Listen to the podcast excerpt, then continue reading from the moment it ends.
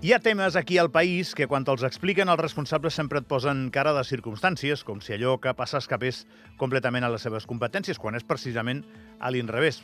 Cara de circumstàncies és allò que també eh, aixequen les espatlles i mouen les mans, les posen així en paral·lel i les obren, com dient és que això ben no és cosa meva, eh? Doncs és a l'inrevés. Eh, almenys jo ho veig així. Us ho explico d'acabar l'assumpte avui a l'editorial.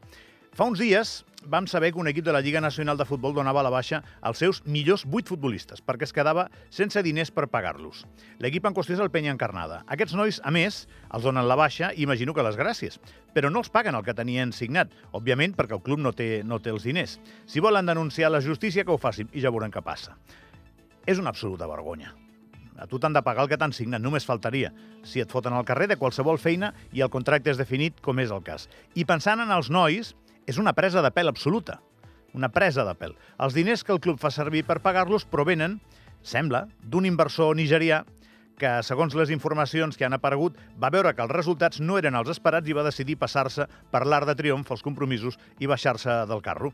Sé que esteu pensant el mateix que jo, eh? Un inversor nigerià a la Lliga Nacional de Futbol. Doncs es veu que sí, I, i compte que els diners que venen d'Àfrica són tan bons com els que vinguin de Barcelona, Londres o Dubai. El tema és que aquest recorregut no acostuma a ser freqüent i per tant es confies més. L'altre dia, diumenge passat, anàvem caminant amb la mare i vam passar per davant dels camps de futbol de la Borda Mateu. No hem caminat per allà per la ruta del colesterol. Jugaven primer contra segon de la Lliga Nacional. A les graderies devia haver a tot estirar, i sóc generós, eh? 100 espectadors. Si arriba.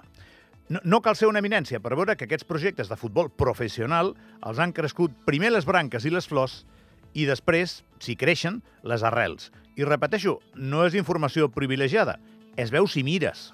Si tots els jugadors fossin amateurs i els pressupostos totals dels clubs fossin, jo que sé, 30.000 euros, doncs igual ho entendries. Però és que hi ha uns quants clubs de la Lliga Nacional de Futbol que passen de 500.000 euros de pressupost tal com ho escolteu, eh? I algun passa bastant, segons el que, el que m'expliquen.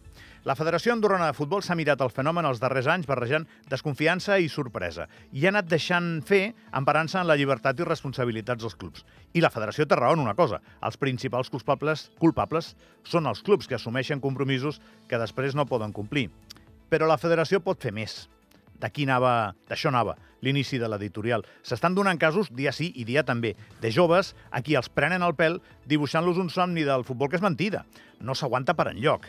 I en aquest context, avui direm penya encarnada, com abans vam dir Sant Julià, com abans vam dir Engordany.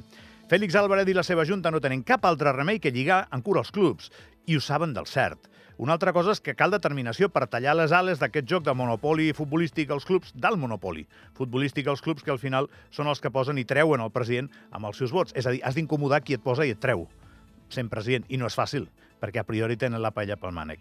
El que segur que no pot ser és que segueixin passant aquestes coses. I compte, la temporada no ha acabat a la Lliga Nacional de Futbol i sembla que poden venir més sorpreses d'aquestes si és que són una sorpresa.